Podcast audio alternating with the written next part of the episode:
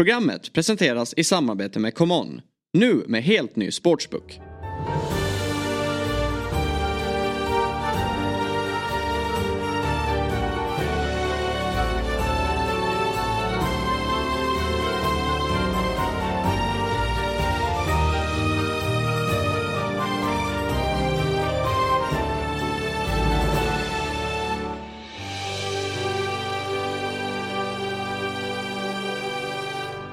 Då hälsar vi hjärtligt välkomna till ett nytt avsnitt av Big Six. Februari månads första Big Six. Skönt att vi har lämnat januari bakom oss, Björn Jonsson. Ja, och snart väntar ju eh, Europaspel, eh, Champions League och Europa League och allt möjligt. Snart är det ju också en ligacupfinal. Ja. Eh, så det, det är mycket roligt framför oss. Februari är en intensiv månad, lite december över det hela om man ska liksom se till det intensiva spelschemat på öarna. Jag eh, noterade eh, att Elfsborg varför de nu ska hitta in i Big Six undrar du. Mötte FCK igår i en träningsmatch.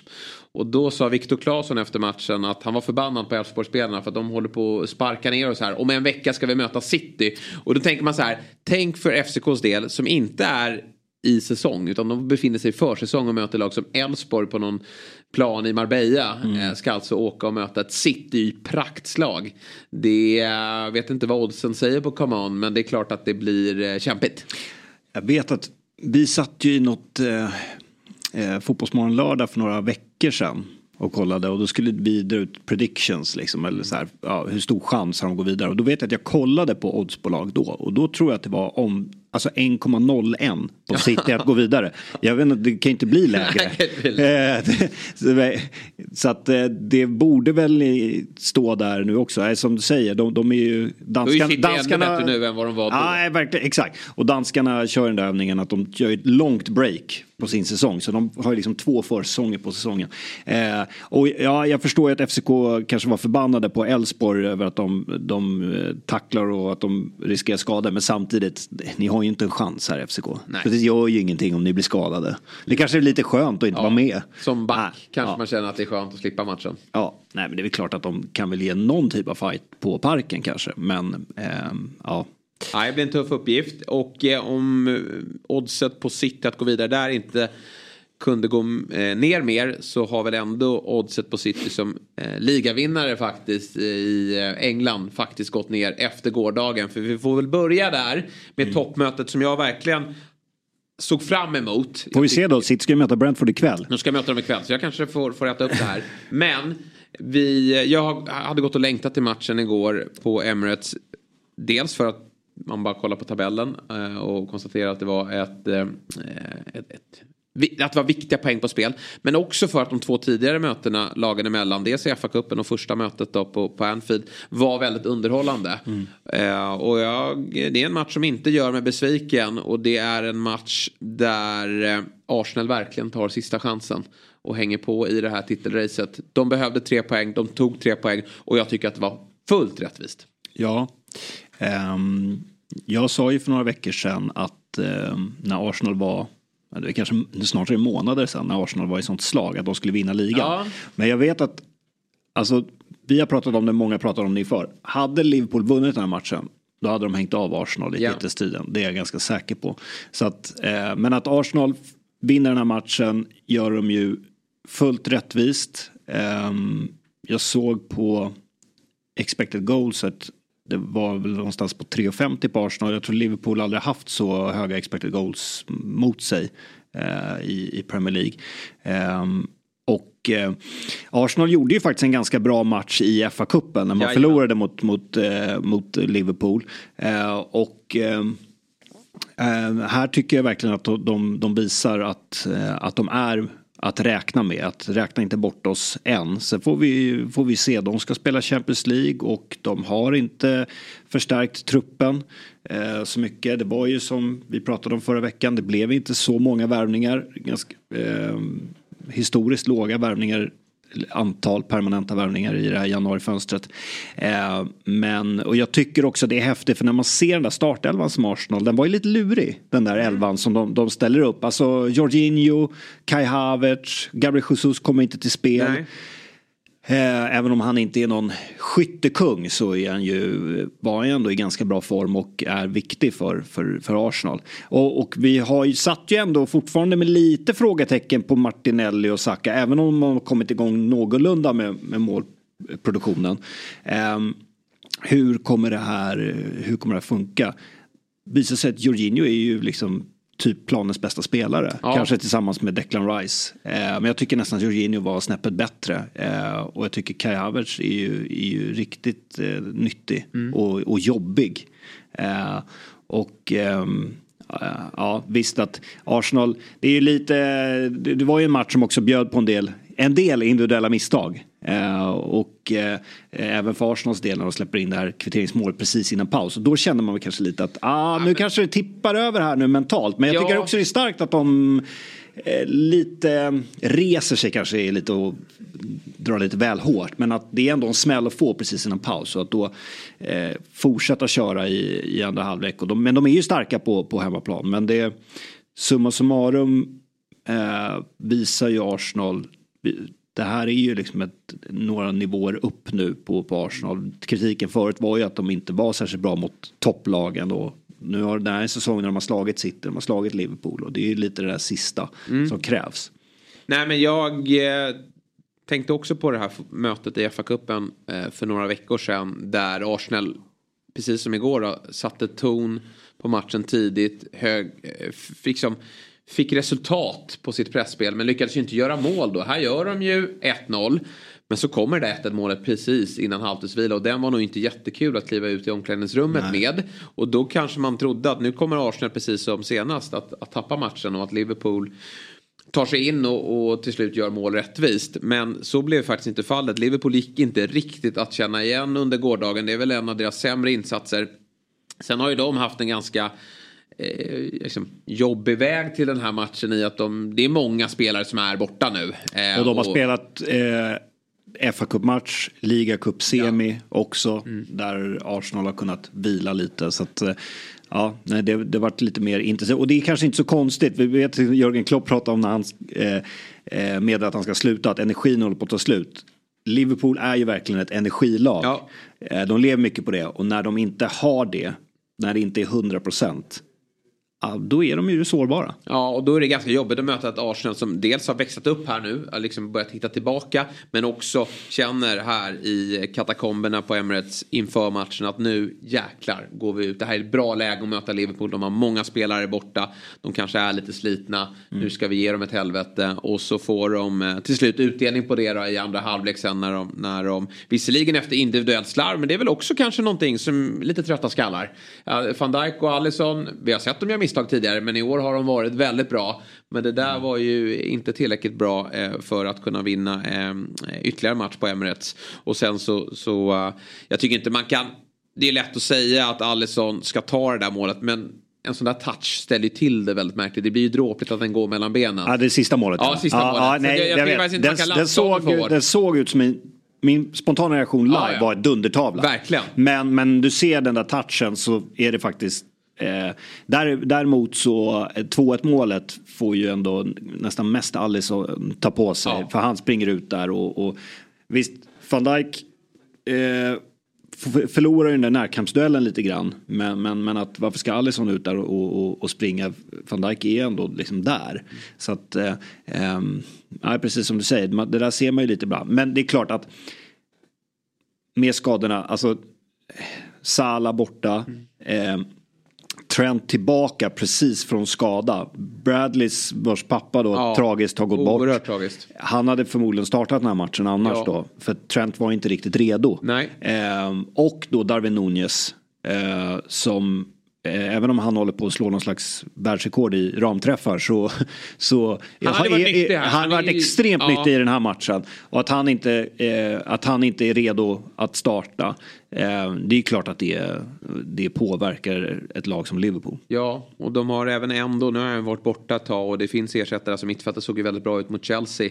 Men eh, de, de, när, när allt för många spelare är borta då är det såklart att eh, Även ett lag som Liverpool tar stryk. Även om de unga spelarna verkligen har tagit chansen när de har fått det. Då. Mm. Men Klopp, han, han, sa ju det att Arsenal vinner rättvist. Vi hade inte riktigt vår dag här nu. Mm. Men det är ju bara att försöka eh, studsa tillbaka.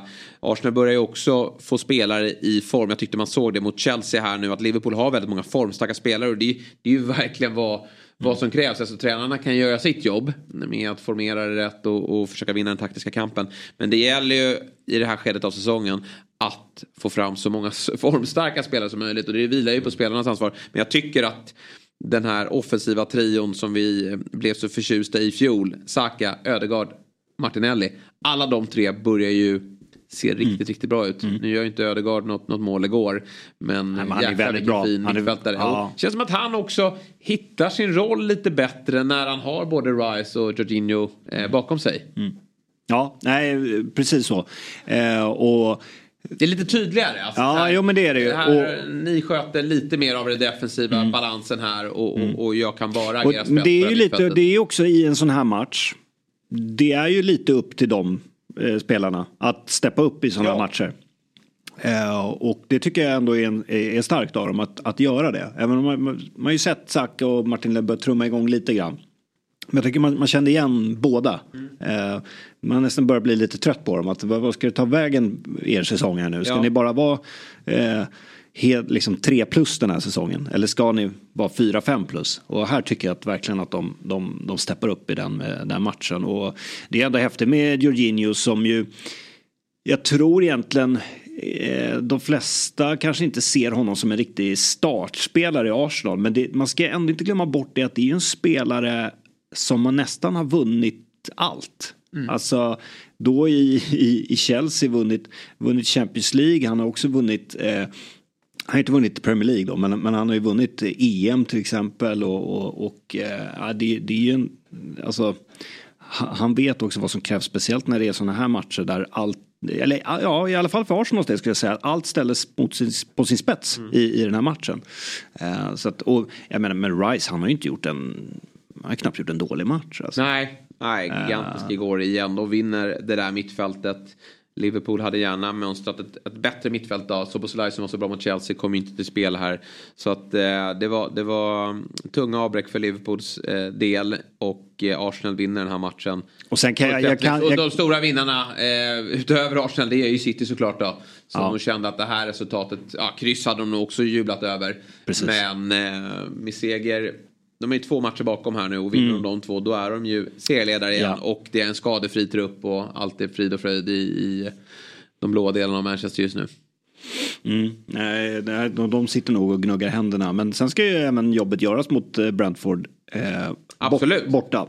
Eh, och så. Men, eh, men eh, absolut, det är ju eh, väldigt skönt för, för Arsenal att kunna ta den här poängen. Det jag skulle säga var bara att Eh, jag kan ändå förstå lite grann eh, Liverpool och, Klopp eh, som är lite gnällde på domaren efteråt. Eh, Konate får ju ett, eh, ett, ett andra gula för att han stoppar, vad är det, Kai Havertz han Ja, liksom blockar från att ställa om. Eh, sen har du ju en liknande situation. Var det Gabriel eller Saliba som har ett gult kort och stoppar ju Darwin Nunez mm. på mittplan.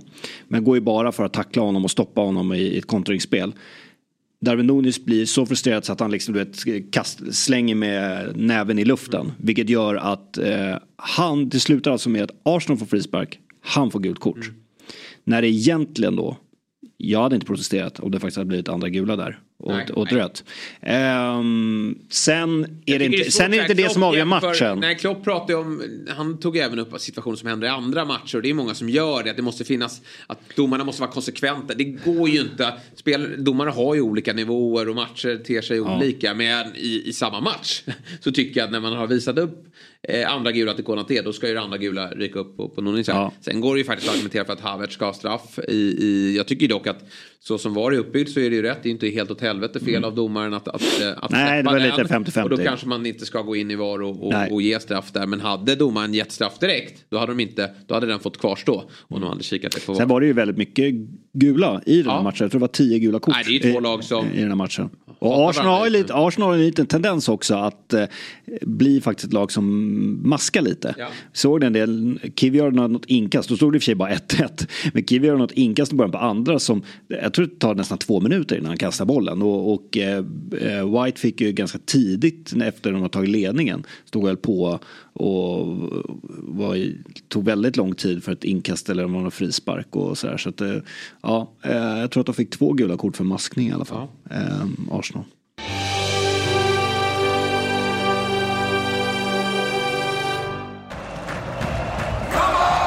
Den är här nu. Commons nya sportsbook med en av marknadens tyngsta betbuilders. Nya spelare får 500 kronor i bonus. Nu kör vi!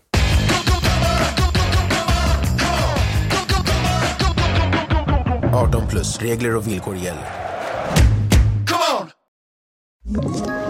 Ett poddtips från Podplay. I fallen jag aldrig glömmer djupdyker Hasse Aro i arbetet bakom några av Sveriges mest uppseendeväckande brottsutredningar går vi in med hemlig telefonavlyssning och, och då upplever vi att vi får en total förändring av hans beteende. Vad är det som händer nu? Vem är det som läcker? Och så säger han att jag är kriminell, jag har varit kriminell i hela mitt liv men att mörda ett barn, där går min gräns. Nya säsongen av Fallen jag aldrig glömmer på Podplay.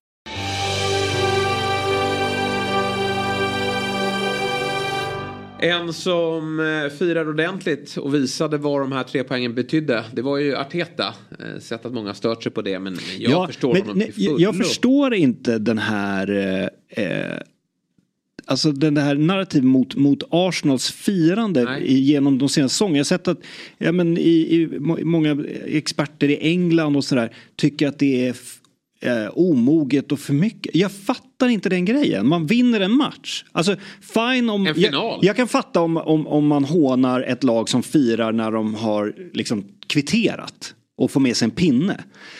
Men att ett lag som firar, speciellt på övertid och, och liksom så sätter spiken i kistan vinner en match, egentligen oavsett vilken match, om det är en eh, seriefinal eller om det är ett bottenmöte eller ett mittenmöte, oavsett vad, Fira hur mycket ni vill ja. ni, när ni vinner en match. Jag ja, fattar så inte det. respektfullt tycker jag. Ja, tycker ja, ja, ja, absolut. Han springer ju längs sin sida. Det är inte så ja, han, han skriker i Klopps ansikte. Nej, nej. nej, jag, jag, fattar inte det där. Nej. Jag tycker det är, det, det, det är väl det fotboll handlar om, eller sport överlag. Att ja. liksom, och herregud, nej, det är så konstig take tycker jag. Arteta har känt mycket frustration över de här mötena med Liverpool tidigare. Han känner nog att han hade, dels hade han kunnat få med sig tre poäng på Anfield. Alltså, det, Liverpool mm. hade också kunnat få tre poäng med sig där. Men sen FA-cupen senast då, när de gick ut och var så bra. Och så, eh, han, han kände nog att nej men nu får jag se den här matchen på nytt här. Att vi, vi är så bra i första halvlek, kommer ut så bra, sätter pressen, skapar lägen men lyckas inte avgöra matchen. Och nu kanske vi bjuder in Liverpool att göra samma sak som de gjorde i FA-cupen. Men det blir något annat. Arsenal går och vinner. Det är klart att det är jättemycket glädje och han förstår ju att nu, nu är vi med igen. Och, och, andra matcher sitter man och klagar på att så här, känslorna är borta från Premier. League och spelarna, vi saknar de här när de gick eh, liksom nästan de står panna mot panna och vill slå ner varandra eller kommer med feta kapningar eller står och firar mål eller eh, blir förbannade när de förlorar. Och sen när de gör det, ja, då är det för mycket. Mm. Då är det lite så här, hur ska ni ha det då? Mer alltså, av den varan Ja, ja. verkligen. Visa Fira på. Känslor. Ja.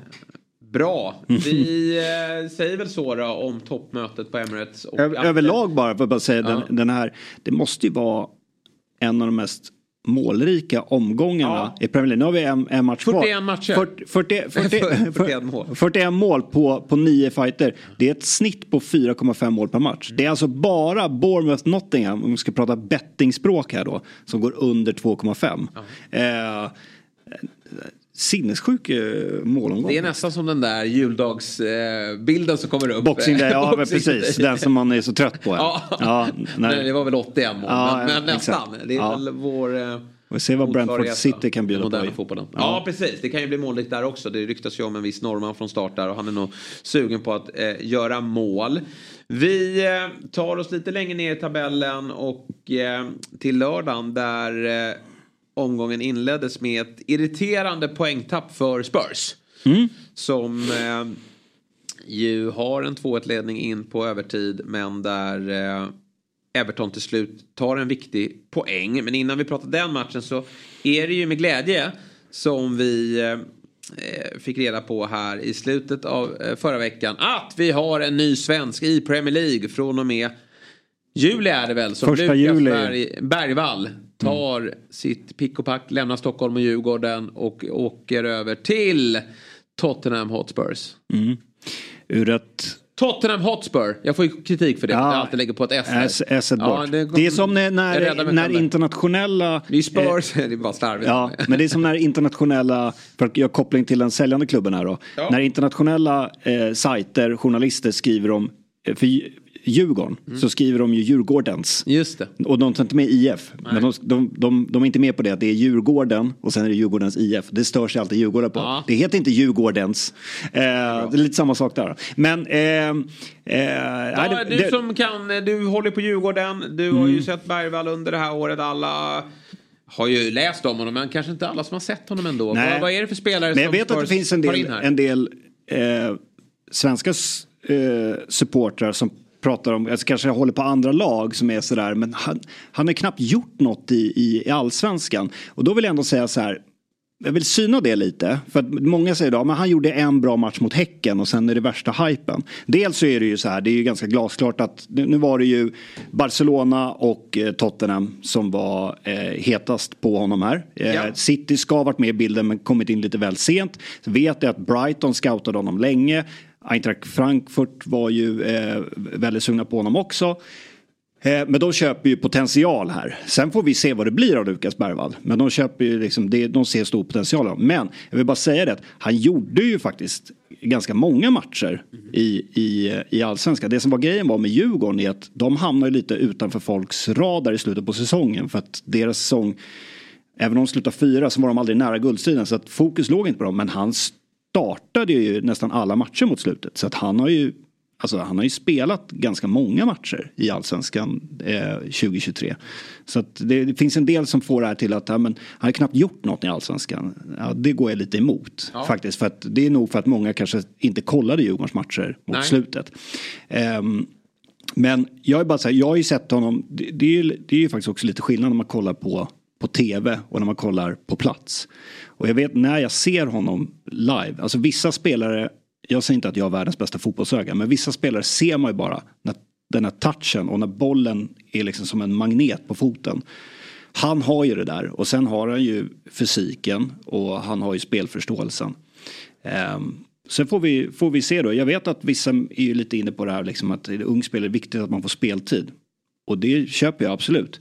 Men jag menar Postecoglou och, och managers i Premier League, de är inte rädda för att släppa fram Nej, nej. 18-åringar. Alltså titta på Mainu i United. Ja. Eh, vet jag att en av våra experter, Saga Fredriksson, lyfte upp som ett exempel. Titta på honom. Alltså, han får ju spela. Är de tillräckligt bra så kommer de få spela. De är inte försiktiga med eh, att eh, släppa fram 18-åringar. Sen säger inte jag att han kommer stå och starta där i premiären för, för Spurs. Men det ska bli väldigt eh, kul att, att, följa. Också det att det är inte så här att han ska harva runt i reservlaget. Utan Nej. han är ju värvad till A-laget. Och att Eh, han var ju och träffade Daniel Levy, ordförande, och Postecoglou och Dejan. Och, och liksom, de var ju eh, uppenbarligen väldigt sugna på att plocka över honom. Och jag menar, det är, visst, det är inga astronomiska summor för en, för en Premier League-klubb, men det är ändå direkt, eh, det finns ju en massa sådana här klausuler och så, men det är ändå 10 miljoner euro. Det är liksom inga, det är inte kattpiss ändå som de, Nej, bara, nej, nej. det är inga småmynt de slänger fram. Nej, de liksom. visar ju att de, de eh, satsar här. Och det är ju Postecoglos nya Spurs som tar form här nu. Och jag förstår verkligen varför han vill ha in honom. Han, vad jag tror är tänkt som att spela på en av platserna centralt på mittfält. Inte Madisons roll då. Som jag såg att en del eh, Tottenham-supportrar i England tror att han ska utmana. Utan jag tror att det är eh, Bissouma eller Sars roll. Han är ju lite ska box ha. till box Han är lite box till box. Och, och de alla Spurs-spelare behöver ju, om man ska spela den fotbollen, vara offensiva. Så att han har ju, han kommer ju komma ner och hämta mycket boll, men det krävs ju att han är en skicklig offensiv spelare också, vilket han verkligen är. Så att det, det bör kunna bli väldigt bra. Sen får man ju se, vissa tar sig an en sån där liga, går det väldigt fort att acklimatisera sig, trots att man är ung. Och nu har ju han gjort en en bra första säsong i Allsvenskan. Nu ska han spela den här våren och då eh, räknar jag med att han är ännu bättre. Och sen då redo efter sommaren. Och eh, vi ska ju, vi vet ju det att Spurs vill ju fasa ut Höjbjerg. Och Skip finns där bakom, Bentancourt finns där. Men de ska nog vara, det är nog de fem mittfältarna som, som ska göra upp om det.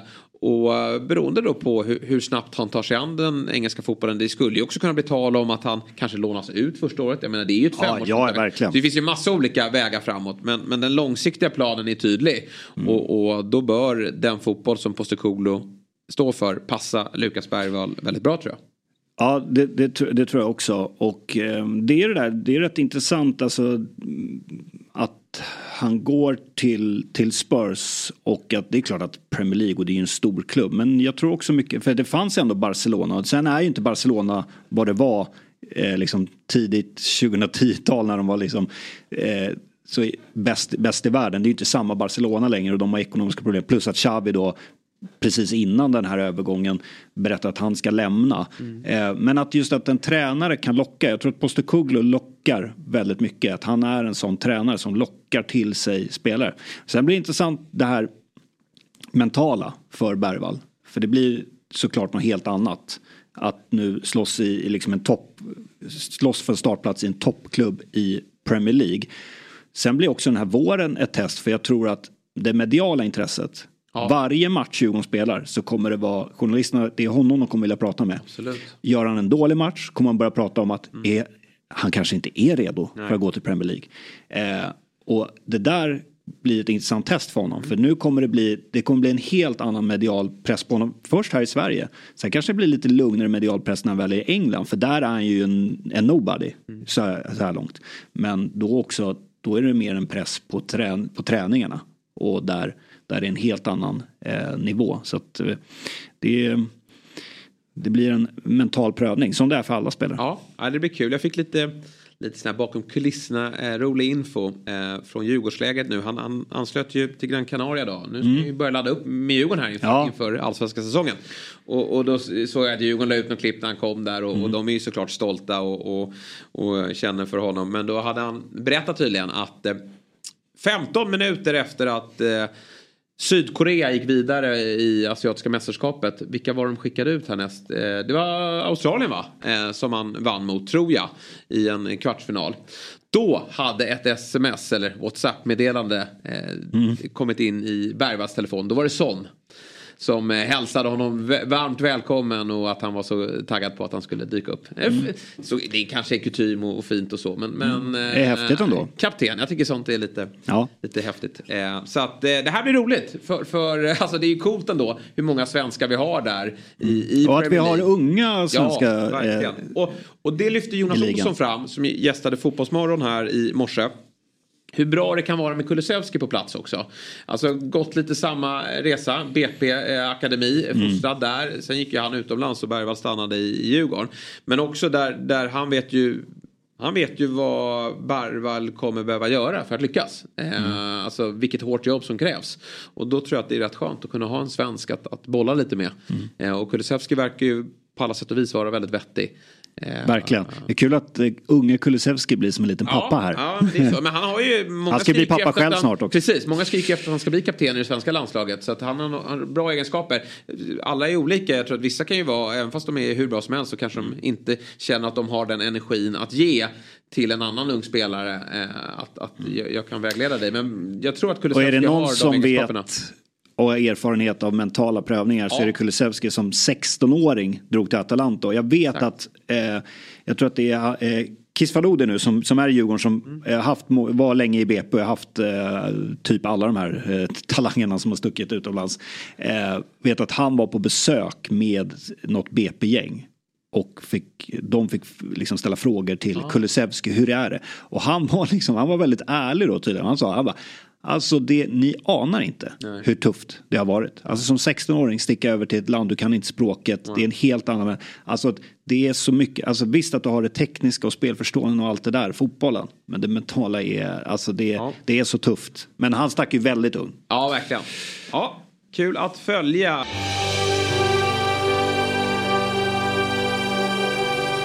Vi är sponsrade av ComeOn och denna vecka har vi en dubbel att presentera tillsammans med ComeOn då som eh, precis lanserat en ny sportsbook med riktigt grymma odds. Och jag sitter här som vanligt eh, måndag förmiddag med Sabri och eh, idag har du en dubbel att presentera. Ja, precis. Vi fortsätter ju på spåret att det blir mycket mål i Premier League. Den här veckan har ju alla matcher gått över 2,5 mål. Förutom eh, Nottingham Bournemouth. Som jag då hade på min trippel i söndags. Det är ju helt otroligt.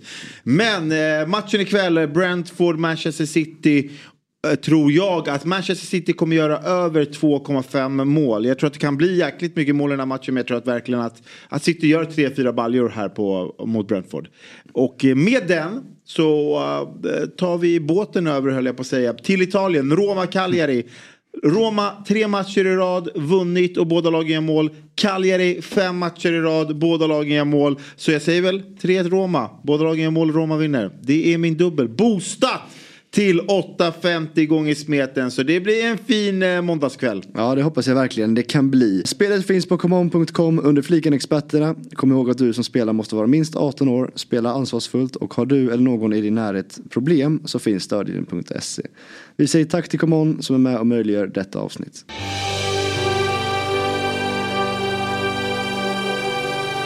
För Spurs del då så blev det som sagt ett tungt poängtapp. Dejan eh, började ju den här matchen på... Han var ju bänkad. Eh, ja, det är ju så. Det, konkurrensen har ju ökat där. Eh, Brennan Johnson gör det bra, eh, Werner gör det bra och snart kommer Son tillbaka. De har ja. ett annat läge från, för några veckor sedan när de knappt hade spelare. Men man kan ju tycka så här, när man ser resultatet, 2-2, framförallt jäkligt, det är väl alltid irriterande, spelar ingen roll vilka man möter och tappa ett, eh, ett resultat på övertid.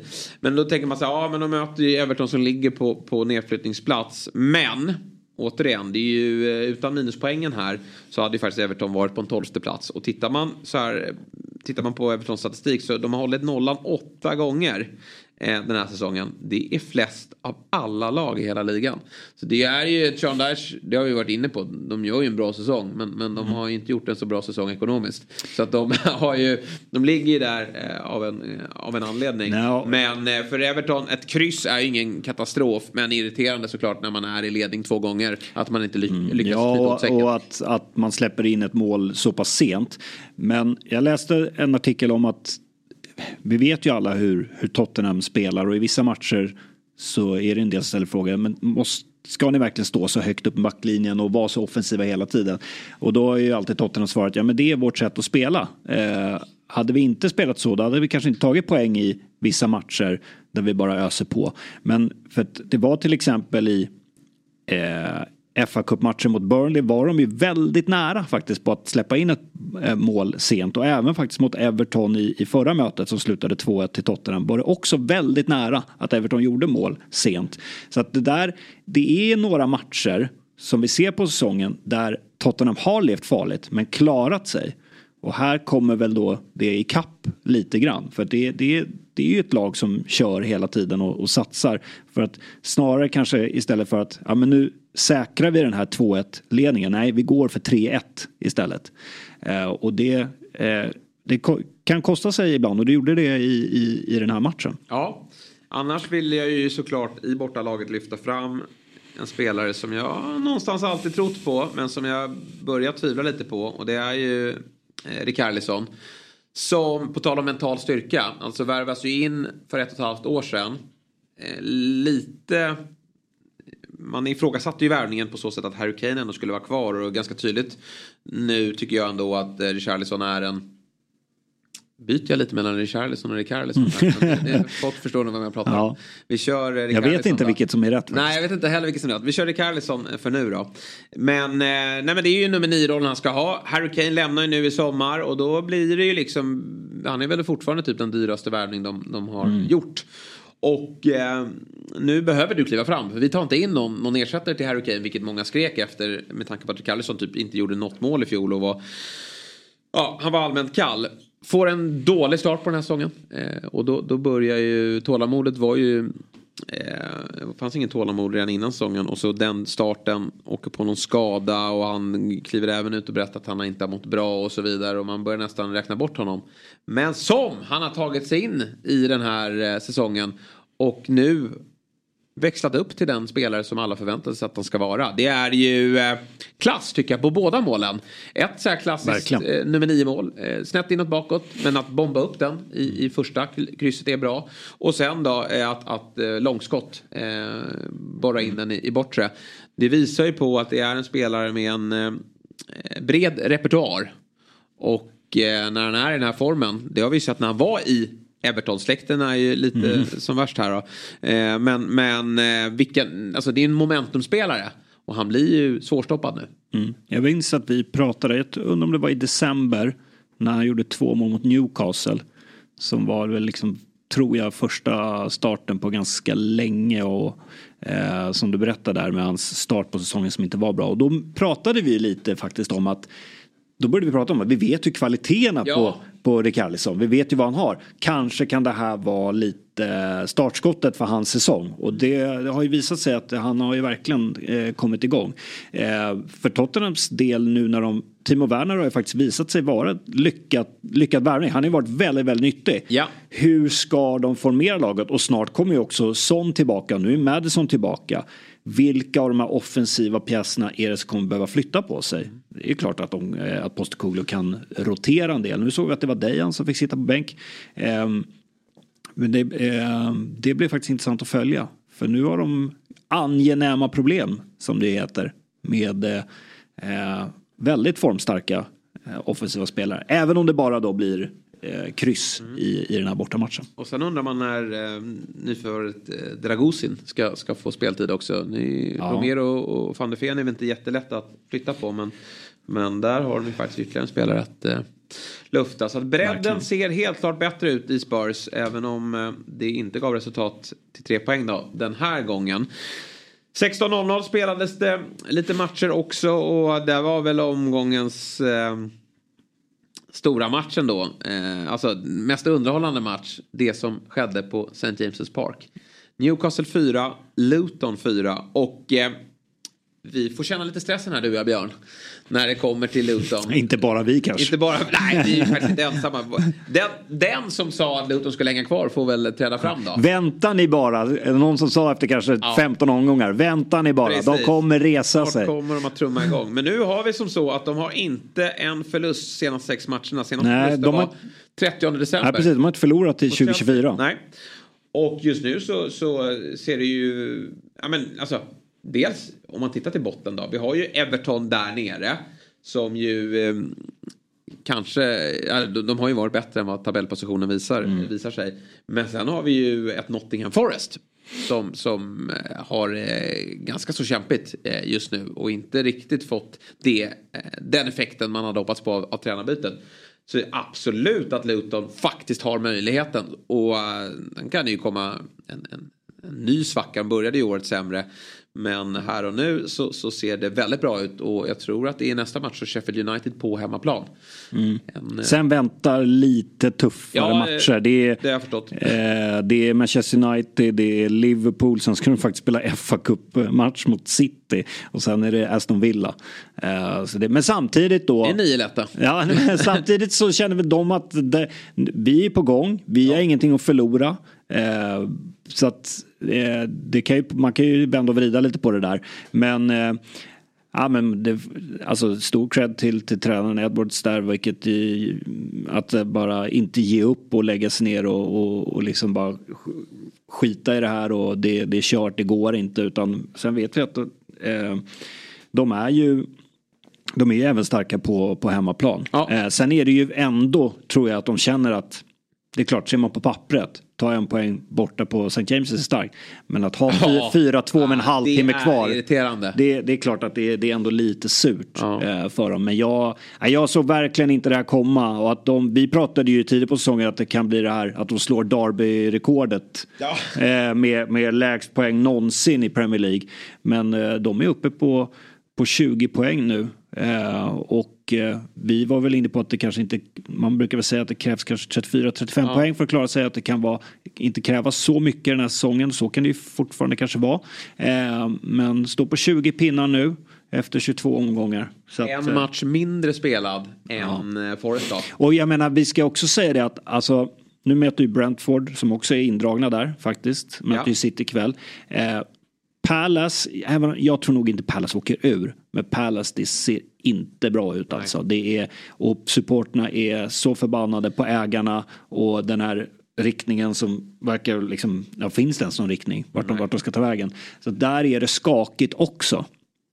Ehm, så att ja, nej, det är, det är riktigt imponerande det Luton håller på med. Ja, men svagt av Newcastle ändå. Trots Lutons alla framgångar här mot slutet så är det ju för dåligt att släppa till eh, fyra mål mot en nykomling eh, som Luton. Ja, det, Och, eh, Newcastles försvarsspel går inte att känna igen Nej. överhuvudtaget. Jag vet inte vad det är som har hänt där egentligen. Men att de inte lyckas få bättre kontroll på den här matchen får ju en pangstart och ja, det är väl fortfarande lite avbräck i, i offensiva led. Men det är ändå en ganska, det är en, det är en stark elva man, man ställer på banan och det såg så bra ut mot Villa här på bortaplan. Men eh, det här var en, eh, en smäll faktiskt för dem i jakten på eh, Europaplatserna. Och eh, ja, det är för svensk del väldigt tråkigt att Isak på nytt då är skadad. Det känns som att han behöver slå ett samtal till sin norska konkurrent Håland och fråga hur fick du ordning på dina muskelproblem? För eh, det här är Jag vet att Ljungberg bra. nämnde det i, i Ja, studion att, det. att kanske ha liksom, nu vet inte jag, det kanske Isak har, men en, en, en, en liksom personlig, ut som en personlig tränare men en- just som håller koll på skada. Sen är det ju så, vi såg ju när det var i, i Real Sociedad då växeldrog han en del. Det var ofta att han fick spela 60 minuter eller hoppa in 30. Eh, här i, och så har det varit en del i, i Newcastle sen han kom. Eh, påminner lite om det. Men sen med tanke på alla skadorna och problemen Newcastle haft så har Eddie Howe liksom, han vill ju köra honom och använda honom hela tiden. Och han får liksom aldrig riktigt komma tillbaka. Samtidigt är det nästan så lite för alla lag i Premier League att det är mycket skador och, och, och eh, spelarna måste användas så fort de är redo. Ja men de bästa spelarna de spelar ju allt. Ja. Det är bara att kolla Ehm. på Salah i Liverpool. Det finns ju inte en minut han vilas. Det är ju fullt ös. Men, eh, men absolut, det, det City ändå gjort. Nu har ju Haaland haft en stressfraktur i, i Ja, foten. men det är, ingen, det, är, men- det är ju en annan typ av skada. Nej, då. precis. Han hade Det är ju- ingen muskelskada på det Nej, sättet. han hade ju en historia av att ha väldigt mycket muskelskador just då. Det var ju det man pratade om. Att det var det enda som kunde hindra honom från att göra succé.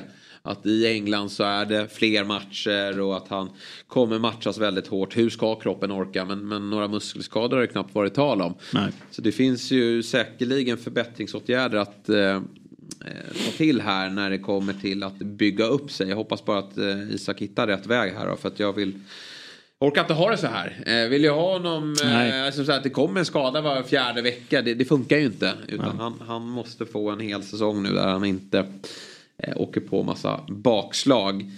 Jag måste även innan vi släpper den matchen, Luton också, Ross Barkley är ju häftigt med, med den Ja. eh, återkomsten på något sätt ändå till, ja men nä- nästan så att man hade gett upp honom.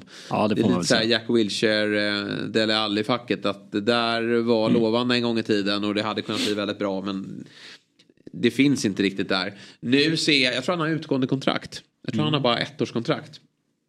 Då är det ju många som skriker efter att, "Ah, men ska vi inte testa honom i, i en större klubb? Jag- Newcastle eh, började ju prata om honom.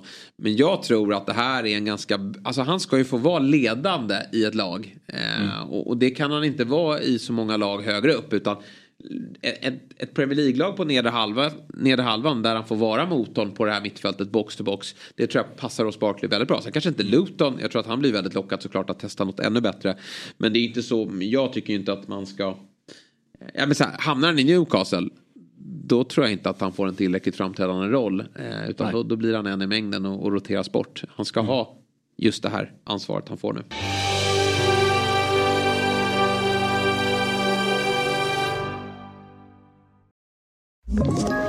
Ett poddtips från Podplay.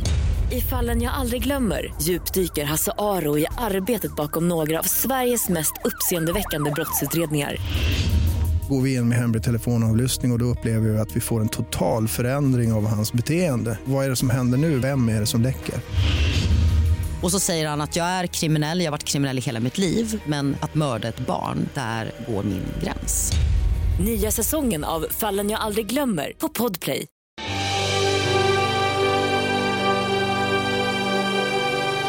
Du, på tal om Derby-rekordet. Det lever ju faktiskt att, att Sheffield United skulle kunna greja det. Jag vet, vad hade Derby? Var det 11, 12, 13, 14 poäng? och sådär? Mm. Vi får Något kolla sånt. upp det vad, vad, det vad det låg på. Men eh, Sheffield United, de tar ju inte många poäng till den här säsongen. Det, det, eh, det vågar jag lova. Jäklar vad, vad usla de är. Eh, och, eh, 11 poäng tog 11 Derby poäng, ja, säsongen då- 07-08. Ja, det är en poäng. Jätte- kommer inte ta en poäng till. Det hade varit sinnessjukt.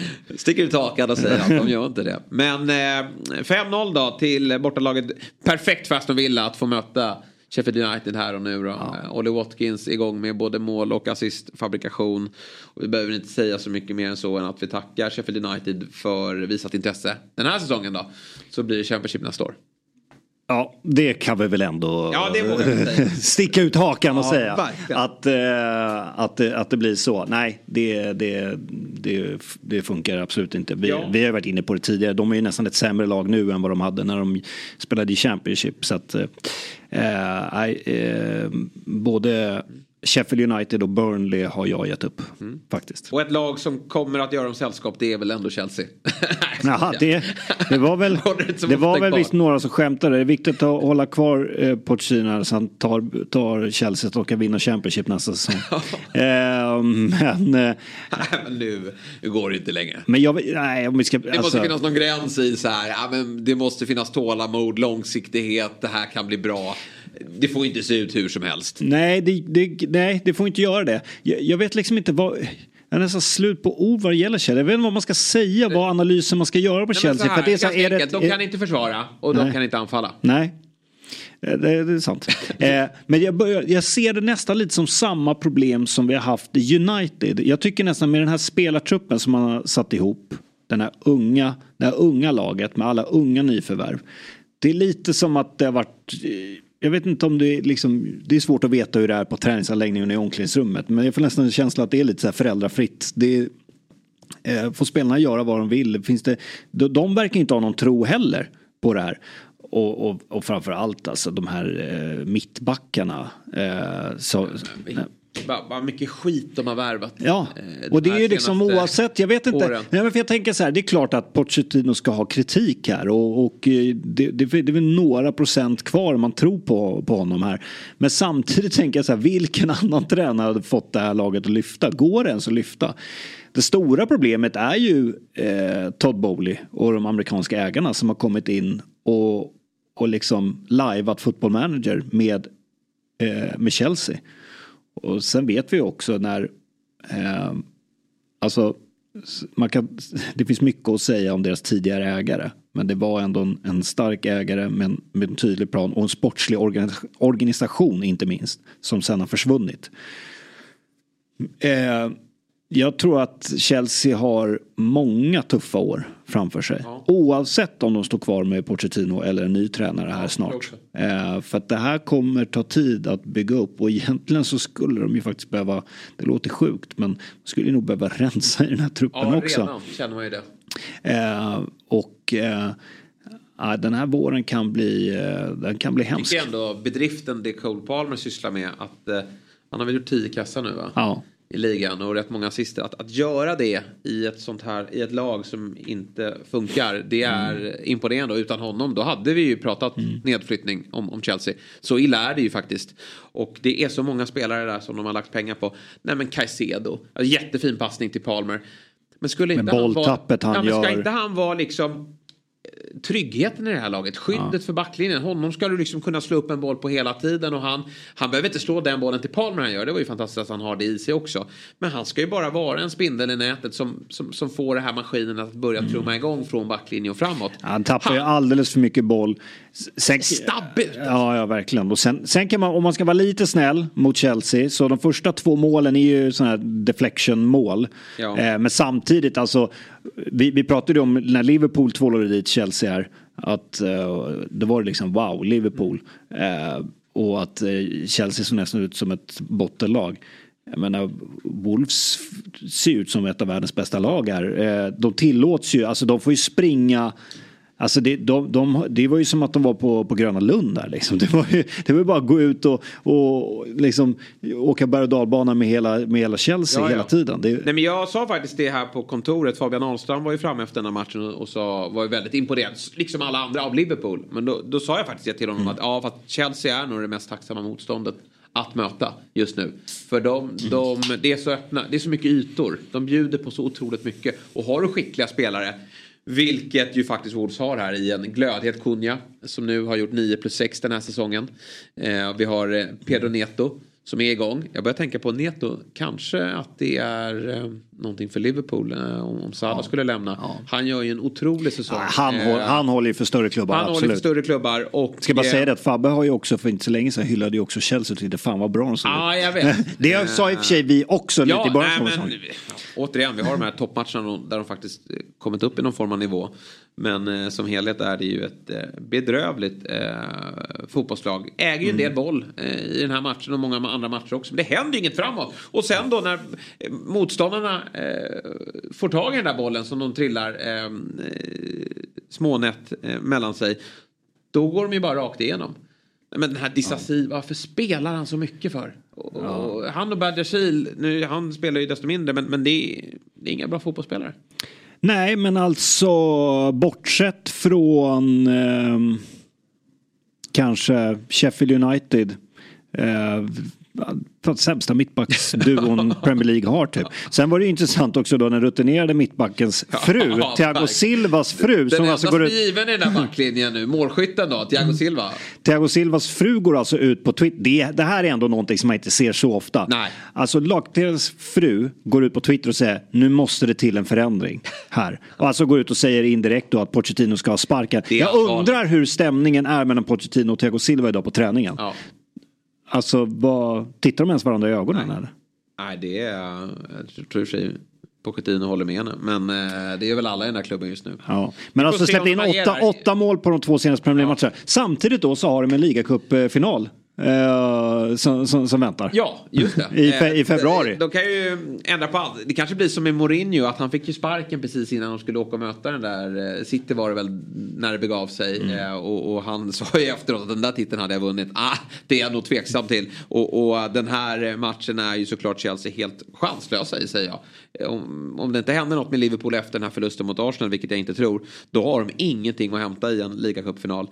Jag... Eh, läste lite på om vad, eh, vad ryktena säger och, och, där är de inte heller särskilt realistiska. Chelsea hoppas ju att Xabi Alonso ska ersätta mm. Pochettino. Och det vore ju idioti eh, från hans sida. Ja, det, det, Xabi Alonso ska inte gå dit. Nej, han ska inte gå dit. Han är ju på, han är ju på nivå nu att liksom Chelsea helt, skulle vara helt ointressant för, för honom att ta. Jag vet faktiskt inte vem som ska Mm. Eh, ta sig an Chelsea och vem som vågar göra Men sen måste jag bara säga, det, det värsta för, för, Chelsea det är om, om eh, missförstå mig rätt här nu, men det är om de vinner den här ligacupfinalen och tar det som någon slags fjäder i hatten. Jag ska komma ihåg att ligacupen, alltså Premier League-lagen kliver in sent. Det är väl typ fyra matcher fram till finalen.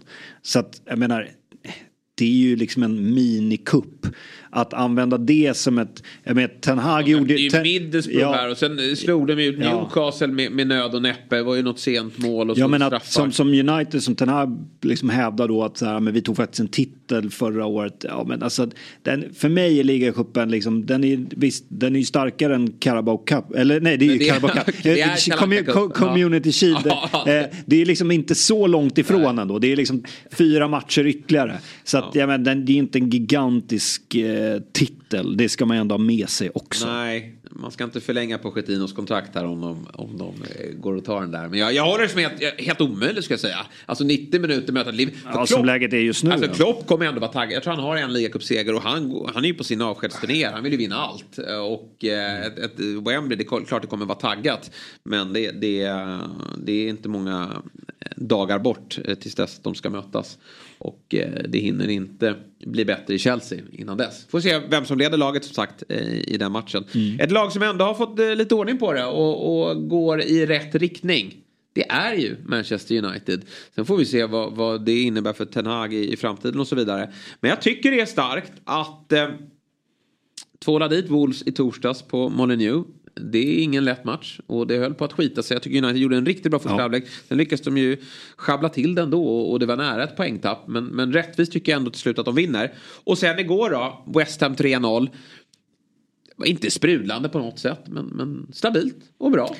Snyggt, snyggt mål av Höjlund. Ja, verkligen. Bra Casemiros äh, ja. äh, återerövring där. Mm. Imponerande. Och sen då Höjlund som... Han tar sig in eh, i den här säsongen och, visar att eh, det här kan vara något. Mm, och det har ju återigen varit en ganska stökig vecka för United med Rashford som var ute och festade i Belfast och eh, sen fick böter på 650 000 pund. Det är liksom över 8 miljoner svenska kronor. Ja. En rejäl saftig bot. Eh, kommer tillbaka då till midweeken, svarar på det genom att göra målet fem minuter. Han verkar ju ha tagit det här rätt tycker jag ändå Rashford. Ja. Alltså, Sancho gjorde inte det men Rashford verkar ju ha bett om ursäkt verkligen och, och, Mm. och, eh, skäms verkligen. För det, det är ju lätt för Rashford där också att kunna så här, ja men fan den här tränaren vi har, han håller inte måttet. Visst det kanske inte var Nej. bra men det är ingen i den här klubben som tror på honom så då går jag ut och super Mm. istället. Men han har ju bett om ursäkt och visar ju här med sina insatser Mm. att han... Eh, Han har tagit det på helt rätt. Det kanske var bra för honom att Ja, stöka till det lite. Men eh, eh, sen är det ju ändå så och det som jag ändå kan så här, känna lite med Ten Hag är ju alltså att deras bästa mittback går sönder Ja, det igen. Och han har ju saknats den här säsongen. Och tillbaka nu och nu såg den här skadan ut att vara riktigt, riktigt illa igen då. Eh, var det korsband eller? Ja, jag vet inte. Det är väl inte helt fastställt vad det var. Men det såg, de rapporterna var väl att det ser inte bra ut. Det kan ju vara så att liksom säsongen är över här. Vi får ju se. Men, men eh, det är ju klart så att det går inte att säga något annat än att där, där har ju Ten Hag och United och Martinez extrem otur den här säsongen. eh, Med, med de skadorna. Men ehm, Sen är ju West Ham inget superlag. Alltså det, det, jag har ju stört mig mycket på dem. Sen tycker jag sen, den här typen av matcher brukar de ju gilla. Och jag tyckte Ja. ja. matchinledningen såg ändå ganska... United sprudlade inte. men det, var ett, det var ett bra tillfälle att möta West Ham. Ja, det tror jag också det var. De, de, de är lite slitna, de har gått runt på ja, men ganska få spelare för att de har haft en del skadeproblem i, i, i offensiv väg. Och, och tittar man, alltså West Ham ligger ju... United eh, passerade de väl här med segern. De låg sexa inför. Men tittar man på underliggande siffror är det sensationellt att West Ham ligger där de ligger. Ja. Tittar man på expected goals, då är man det tolfte laget eh, i tabellen. Och tittar man till eh, alltså expected goals defensivt, alltså hur man är på att eh, hur mycket man släpper till. Då är det faktiskt eh, på 16 plats. Eh, så att West Ham har ju överpresterat å det grövsta. Och det är ju den fotboll man står för. Eh, så att det är eh, ett lag som bör dala i den här Ja, eh, precis. Ja, verkligheten kommer komma ikapp. Lite samma med, med Brighton. Nu vann ju Brighton här i, i det här A23-derbyt som det kallas mot Palace. Men, men att, eh, lite så här, att Brighton ligger åtta. Trots att de har haft så dåliga resultat. Lite samma är det ju eh, med West Ham. Men, men United, precis som Luton, har inte förlorat under Nej, och jag 2024. tycker- De har ju inte gjort någonting ännu förutom att de har värvat den här Berada då, som kommer in i sommar. Men, eh, alltså nya vdn. Men det är lite som att Ratcliffes intåg i, klubben har gett klubben lite energi. Att de, Mm, det blir lite lugn och ro bara också. den här härliga bilden med de tre eh, unga stjärnorna här. Eh, Maino, eh, Garnacho och Höjlund när de sitter på den här reklamskylten och håller om varandra. Det är, eh, det är ljuset i tunneln. Det är framtiden. Mm. Och nu ska nog inte United-supportrarna slå sig allt för mycket på bröstet här och tro att nu är vi, nu kommer det här bli bra. Men det skulle kunna vara som så att det skulle kunna vara ett startskott till något eh, betydligt Mm. bättre. Men det är en lång väg att vandra och det är, man har trott att United har brutit trender förr och sen eh, lyckats eh, falla ner i något mörkt hål på nytt. Men eh, jag, eh, det finns saker att bygga vidare på här. Ja, man ska inte underskatta betydelsen av att en sån spelare som Mainu är så oerhört bra.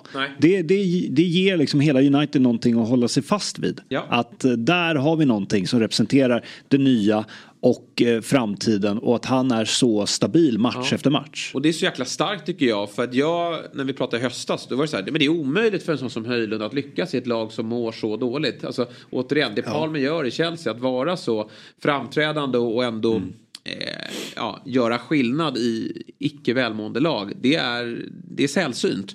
Men nu har han ju fått, Mainu har klivit in lite och visat att det går faktiskt att, att vara eh, ung och, och, och ta en plats i det här laget. Garaccio har skickat Anthony åt helvete. Det är jag som ska spela. Det är jag, jag, jag gör mål och, och, och poäng. Det är liksom, finns inget annat än att jag spelar här ute till höger. Och Höjlund, han har fått väldigt mycket förtroende från Ten Hag. För han har inte haft så många alternativ heller. Martial är ju bara skadad hela tiden och inget att satsa på. Men nu har det ju till och med lossnat för dansken. Så det är ju bara för de här Casemiro och Fernandes och Rashford att, att hänga på de här unga eh, killarna och eh, se till att United, ja men kanske, sjukt nog, skulle kunna ta tag i en femteplats ändå. Och det kanske till och med leder till en Champions League-plats. Mm. Det tror inte jag, Jag att de gör. gör det. Men, men, det, nej, jag, Men nej, chansen jag- finns. Chansen finns ju sett till poängen här. Jag, jag tror inte att det blir så. Det, det vill jag ju Mm. poängtera. Och jag tror att det finns några minor här längre fram. Men, men eh, lite lugn och ro här nu. Sen tror inte jag det är otänkbart att United skickar Ten Hag ändå i sommar. Nej. Det, det, det tror jag Ratcliffe tillsammans med Berada får bilda sig en uppfattning om här nu. Och en ny sportchef. Så är han rätt man ändå. Men eh, det finns i alla fall lite att, hoppas på här eh, för alla United-supportrar under våren. Verkligen. Bra! Du... Eh, Kul också att Lindelöf fick komma, Ja, komma in och är 250 tillbaka. matchen. Ja, och är tillbaka. Yes, och kommer ju få mer speltid nu då. Ja. Med tanke på att Martinez, Varann orkar ju inte spela så många matcher heller. Nej. Så att eh, det blir han, Maguire och... Eh, ja, Luke Shaw går ju att flytta in också men jag tycker han är bäst ute till, till vänster. Eh, bra! Brentford City ikväll. City verkar komma med nytt bra lag då. Eh, de har ju, mår ju väldigt bra för dagen. Haaland eh, lär väl starta den här matchen. Eh, eller ett längre inhopp. Det återstår att se. Men Brentford är lite av ett bogeyteam. För dem. Sen de eh, klev upp då så har de ju faktiskt eh, eh slagit dem några gånger. Jag minns matchen på Etihad när Tony gjorde två mål. Och med Tony på plan så, så mm kan Brentford alltid vinna fotbollsmatcher känns det som. Och, och även i, var ytterligare någon seger här i fjol. Så att eh, man får se upp. Men, men jag tror över 90 minuter att, att City, nu när de också... Men det, det, det är liksom som att sagan är redan skriven. De, de, de har bara gått och, och, och väntat på att Liverpool kanske ska få något, tappa någon poäng. Att de ska få tillbaka till Bröne Haaland och nu är det dags att växla upp här. Ja, eh, det, det är ju så att de, de med, med Kevin De Bruyne och Haaland eh, tillbaka blir ju någonting helt annat eh, såklart. Och eh, det blir intressant så. Jag såg att Pep fick någon fråga här nu med liksom, hur ska du göra nu då med, med Foden? Kan Foden och Kevin De Bruyne spela tillsammans? Ja. Då pratar han ju lite om att eh, när vi möter fembackslag, lag som backar hem, då kan vi det. Men när vi möter, och det kan vi tänka sig till exempel i mot Brentford här, att det kan bli så. Men i lite mer öppna matcher och det blir mer fight på mitten, då var Pep inne på, då är det nog kanske lite svårare att se att de spelar tillsammans. Eh, och det är ju lite smäll för, för Foden då, men lite upp till honom också Ja. att kunna bevisa att jag Det kan ju användas på kant också. Ja, men, det men kan, där finns absolut. det ju andra alternativ. Men det vore ju kul att se Foden slå bredvid eh, De Bruyne på ett centralt Mm. mittfält lite som David Silva gjorde. Han har ju de egenskaperna tycker jag. Eh, bra Björn, eh, det här var eh, trevligt som vanligt. Du, det pratas för övrigt, i brittisk media eh, rapporterar ju om att Liverpool ligger i samtal med Disney Plus om att eh, Just det. de ska få följa Klopp sista tid som tränare. Mm. Det hade ju varit något. Ja, eh, det hade varit väldigt intressant att, att följa faktiskt. Ja. Och se lite eh, hur liksom Klopp mår och hur han tar de här sista, sista månaderna i, i klubben. Det hade varit eh, coolt att följa faktiskt. Eh, så är det. Ja. Eh, till helgen är det ju inte sådär jättestora smällkarameller. Nej. Men jag tycker ändå, vi pratade om eh, Villa Uni- United Villa bli? United som blir sista matchen eh, på, för helgen då. Sen har vi ju eh, Palace eh, Chelsea, vilket deppigt möte. Ja, Deppigaste London-derbyt på, på länge. Men, eh, men den blir jäkligt häftig att följa. Eh, dessutom då med liksom ett London-derby tidigt där på söndag, West Ham-Arsenal. Då har ju liksom både eh, Liverpool och City redan spelat. Och kanske satt lite press då på, på Arsenal där. Så att eh, eh, de blir häftiga att följa. Ja, och sen är det Europafotboll och allt eh, det kan ni ju eh, lyssna på oss för att ta ner. Eh, och torsdagsgänget är såklart tillbaka på just torsdag. Och så kör vi på måndag igen, tar ner helgen, pratar upp Europa. Och så sitter vi här och sågar United om en vecka igen när de har förlorat mot... Och kanske hylla Pochettino, vem vet? Ja, Eller i och för sig, de har måndagsmatcher. Det, det, det slipper vi. Ja, skönt. och, jag lovar att även en, om de skulle mot all förmodan vinna mot Palace. Och kanske vi ger ett litet hopp för Sheffield United om de har tagit en trea mot Luton här då. Ja, nej, det där ska Luton, eh, det ska de bara fixa. Eh, Ja. Tycker jag. Bra Björn, tack Härligt. för idag. Tack, tack. Tack till alla er som har lyssnat. Vi hörs på torsdag igen.